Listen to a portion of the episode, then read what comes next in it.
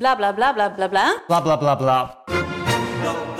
Idealen zijn prachtig, maar woorden verliezen betekenis als je niks doet. Dus laten we met z'n allen wat minder praten en meer doen. Bij Agmea zijn wij vast begonnen. Zo gaan wij voor minder verkeersslachtoffers, gezonde werknemers en duurzame woningen. Waar ga jij voor? Kijk op www.werkenbijagmea.nl Ben jij of ken jij een vrouw? Of zie je er wel eens eentje lopen van een afstandje? Luister dan naar Damn Honey. Een podcast over shit waar je als vrouw van deze tijd mee moet dealen. Mijn naam is Nidia. En ik ben Marilotte. En in Damn Honey praten we met gasten en gooien we onze ziel en zaligheid op tafel over onderwerpen zoals fast fashion, dik zijn, de menstruatiecyclus, borsten, validisme, catcalling, vrouwen in de politiek, sport en kunst, het niet-moederschap, seksueel plezier, autisme, heteronormativiteit, porno, abortus en meer. Elke zaterdag in je podcastfeed.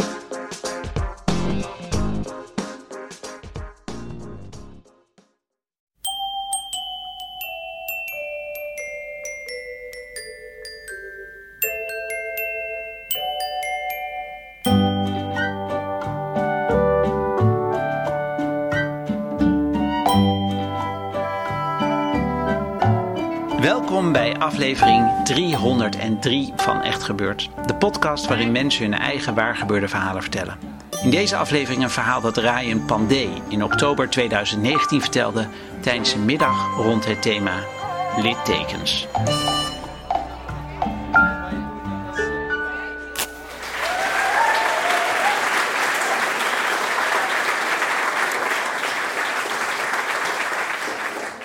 Ik eh, eh, zit in eh 6 VWO. Het is de eerste week van mijn examenjaar op het Salens Lyceum in Zaandam. En ik heb aardrijkskundeles. En ik ben eigenlijk, zoals altijd, ben ik te laat. Dus ik kom de klas binnen en iedereen zit al ergens. En ik zoek een plek om te zitten. En achter in de klas is er in de hoek nog één plek vrij. En er zit een meisje naast. En ik had haar wel eens gezien, maar nog nooit gesproken. En ik was 17 jaar oud, ik was best wel verlegen. Dus ik zei tegen haar, eh, vind je het misschien goed als ik hier naast je kom zitten? En zij zei, ja natuurlijk, ga zitten. En we raakten meteen aan de praat en het was meteen gezellig. Ik vond het zo gezellig dat ik alweer uitkeek naar de volgende adreskundeles. En de volgende daarna. En ik vond adreskunde ineens heel leuk worden. En eh, eigenlijk was het heel tof, want we, waren zo gezellig. Ik voelde me ook begrepen. Ik was eh, helemaal niet verlegen bij haar. Ik vond haar ook steeds leuker worden. En wat ik zo tof vond aan haar is dat ze heel vrij was. Ik kom uit een Hindoestaans gezin en ik ben best wel streng opgevoed. Eh, met het Hindoeïsme, maar ook dat studie heel belangrijk is. En ik mocht niet zomaar uitgaan. Ik mocht ook niet zomaar alleen ergens naartoe gaan. En zij wel. Zij was al een plek aan het zoeken om op zichzelf te gaan wonen. Eh, ze ging ook eh, op vakantie met kerst en. Nu ging ze naar New York in haar eentje. En dat vond ik echt bijzonder. Dat is een soort droom van mij om naar New York te gaan. En wat ook vaak is, als je dan verliefd wordt, je vindt iemand steeds leuker, heb je altijd heel veel gemeen. Er waren ook heel veel dingen gemeen. We hielden van dezelfde muziek. Brian McKnight, Boys to Men. En eh, we hielden ook van dezelfde films, What Dreams May Come, Titanic. We keken naar dezelfde series, Seinfeld. En, eh, en waren ook gekke dingen gemeen. We hadden bijvoorbeeld allebei een jaar daarvoor onze spreekbeurt gehouden over reïncarnatie. En dat wisten we niet van elkaar. Eh, we- we- we- zij was in dat jaar daarvoor was zij gezakt met examen nummer 18. Ik zat in dit jaar in 6 VWO met examen nummer 18. En ik vond haar, ik vond haar echt heel leuk. Er was alleen één, één probleempje. Ze had al drie jaar een vriend.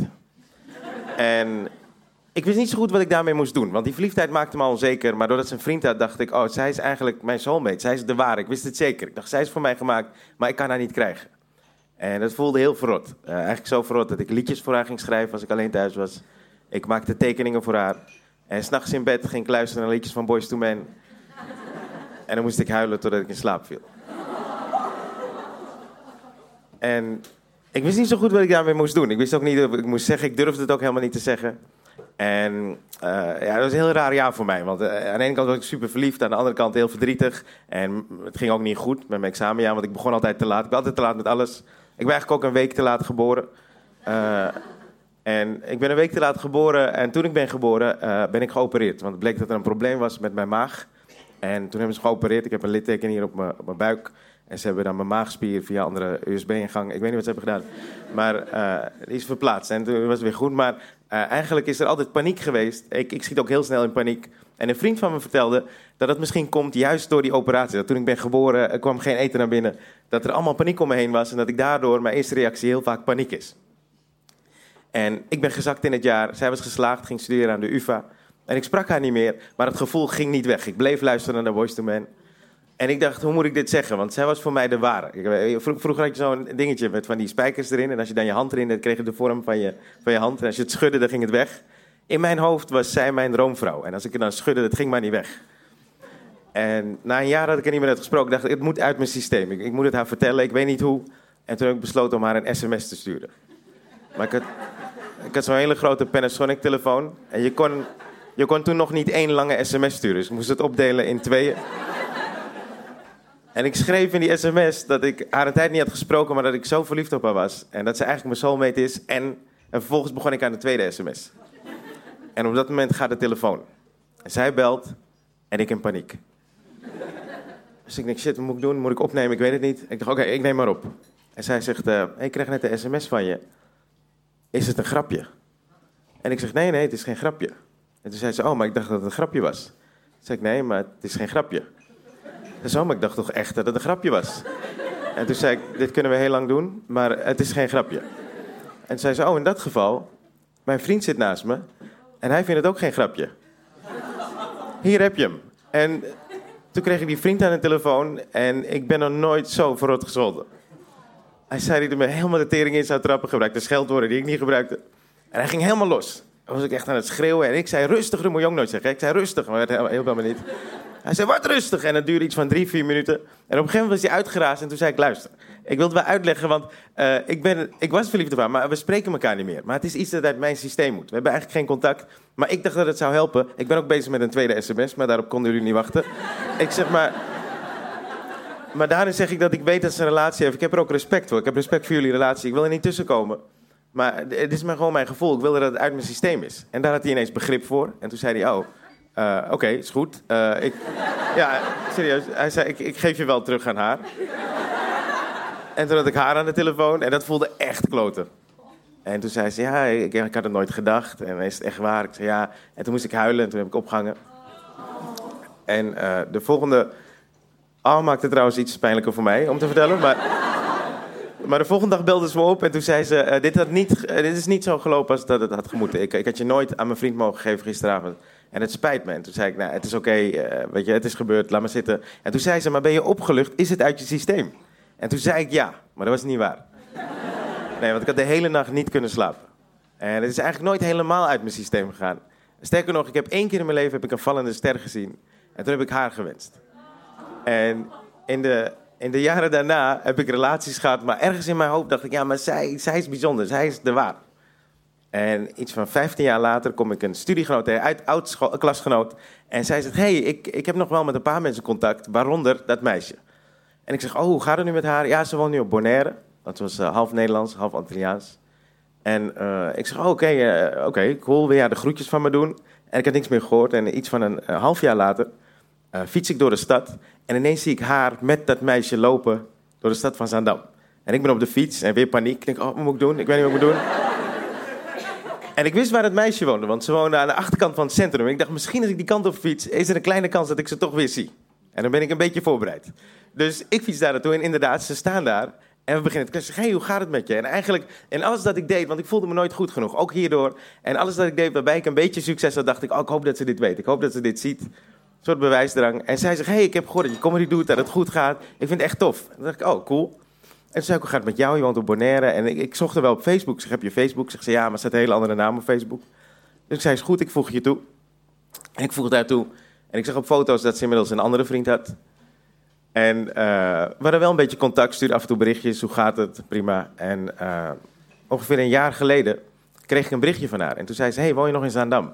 Ik zeg, ja, want inmiddels woon ik al op mezelf. Op mijn dertigste ben ik op mezelf gaan wonen. En ik heb ik heb eigenlijk New York ook ontdekt. Ik ga elk jaar minimaal één keer per jaar naar New York. Dat is mijn lievelingsstad. En zij zegt, uh, ik woon ook weer in Zandam. Het was uit met haar vriend. Ze is in Nederland gaan wonen en ze bleef bij haar moeder. En ze zegt, ik woon achter het ziekenhuis in Zandam. Ik woon naast het ziekenhuis. Ze woonden echt super dicht bij elkaar. En uh, toen zei ze, ja, hoe is het verder? En we waren een beetje aan het kletsen. Toen vertelde ze over Netflix. Ik wist nog niet zo goed wat Netflix was.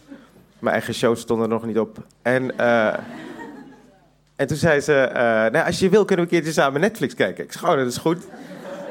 En toen zijn we samen Netflix gaan kijken. Keken we Black Mirror. We hebben het hele eerste seizoen gezien. En we waren aan het kletsen tot half vijf. Maar ik, ik had geen idee. Ik dacht, ik was weer de jongen van 17. Ik dacht, wat moet ik doen? Ik weet niet wat ik moet doen. En een week later zei ze, oh, zullen we seizoen 2 kijken? Ja, is goed. We hebben heel seizoen 2 gekeken. En uh, ik durfde weer niks. Ik, was, ik dacht, wat moet ik doen? Ik weet niet, vindt ze me wel leuk? Ik weet niet of ze me leuk vindt. Misschien was ze gewoon Netflix laten zien. Ik weet niet wat aan het En een dag later dacht ik, ja, ik moet toch wel iets doen. Dus ik heb haar een bericht gestuurd, laten we samen gaan uiteten. En toen zei ze, is goed. En toen zijn we gaan uiteten. En daarna zei ze, we moeten eigenlijk uh, nog een paar afleveringen van seizoen 3 kijken. Van Black Mirror. Dus dat zijn we gaan doen. Toen dacht ik, oké, nu moet ik gewoon een move maken. Ik moet iets doen nu, ik kan het niet blijven doen zo. Dus ik deed mijn arm om maar heen. En dat duurde ook een uur. En daarna dacht ik, oké, weet je wat, ik ga haar gewoon zoenen. Ik ga haar gewoon zoenen. Toen heb ik haar gezoend. En dat was een van de meest bizarre momenten in mijn leven. En ik dacht, wauw, ik heb haar gewoon gezoend. Wat is dit nou? Wat is er aan de hand? En uh, we gingen verder met het zoenen. Het werd fysieker. Maar op een gegeven moment belanden we in bed. En ik zei tegen haar, wacht even, ik ga even een condoom pakken. Dus ik deed dat. En uh, heel veel hindoes hebben een soort klein altaartje in een andere kamer waar ze vaak bidden. En ik pakte het condoom, ik deed even de deur open van die kamer en toen bedankte ik al onze goden. Uh, en toen ging ik terug naar die kamer en toen hebben we seks gehad. En het was heel bizar. Ik had daar nog nooit over gefantaseerd, over gedacht. Ik durfde dat niet eens. En um, toen waren we klaar. En uh, vervolgens ging ze douchen. En ik zou na haar douchen, dus ik kom die kamer binnen, de badkamer. En ik zeg op een gegeven moment, wat heb je hier bij je buik? En zij zegt, oh, toen ik was geboren uh, kon ik niks binnenkrijgen. Dus ik ben geopereerd aan mijn maag, vandaar het litteken. En ik zeg, oh, ik heb hem ook. En ik ga daarna douchen. En ik kom uh, mijn slaapkamer binnen en zij ligt in mijn bed. En ze zegt, ja, ik heb, ik heb jouw kleren alvast aangedaan. Dus ik ben gewoon in bed gaan liggen. En toen leek ze wel heel erg op mij. en toen dacht ik, maar dit is ook niet precies wat ik zoek. En we hebben daarna nog een paar keer afgesproken. En het is nog steeds een mooie, bijzondere vrouw. Maar ik denk dat ik niet meer op zoek ben naar een verbeterde versie van mezelf. Dus ik ben nog steeds op zoek, maar ik denk dat ik op zoek ben naar iemand die helemaal niet op me lijkt. En ik hoop dat ik die dan ergens een keertje tegenkom als ik ergens te laat ben en er is nog één plekje vrij. Dank jullie wel.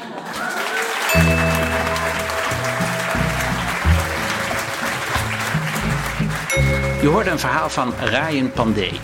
Ryan is comedian en presenteert samen met Stefan Pop de podcast For the Show. Waarin ze soms samen en soms met een van hun favoriete comedians praten over de actualiteit en het vak. Als volgend seizoen de theaters weer open mogen, gaat Ryan optreden met zijn nieuwe voorstelling Focus. Houd zijn website www.ryanpandey in de gaten. Dat doe ik ook. En vaste luisteraars van onze podcast die weten het inmiddels. Deze week is Echt Gebeurd op papier verschenen. Een cassette met drie boekjes die in totaal 72 verhalen bevatten uit 12 en een half jaar Echt Gebeurd. Deze week kreeg ik de boekjes voor het eerst echt in handen. En toen zag ik, wat ik nog niet wist, maar wel hoopte, dat het vooral ook drie heel mooie boekjes zijn geworden. Fijn om in je hand te houden, ze bladeren lekker. En bij ieder verhaal staat een illustratie van Annabel Keizer. 72 illustraties, 72 verhalen. Nu te koop in alle boekwinkels van Nederland. Ideaal voor al die mensen van wie je weet dat ze echt gebeurd fantastisch zouden vinden, maar die nooit een podcast zullen luisteren. De redactie van Echt Gebeurd bestaat uit Paulien Cornelissen, Rosa van Toledo, Maarten Westerveen en mijzelf, Micha Wertheim. Productie Eva Zwaving, zaaltechniek Jasper van Oorschot, podcast Gijsbert van der Bal. Dit was aflevering 303. Tot volgende week. En vergeet intussen niet om als het mee zit even al je goden te bedanken.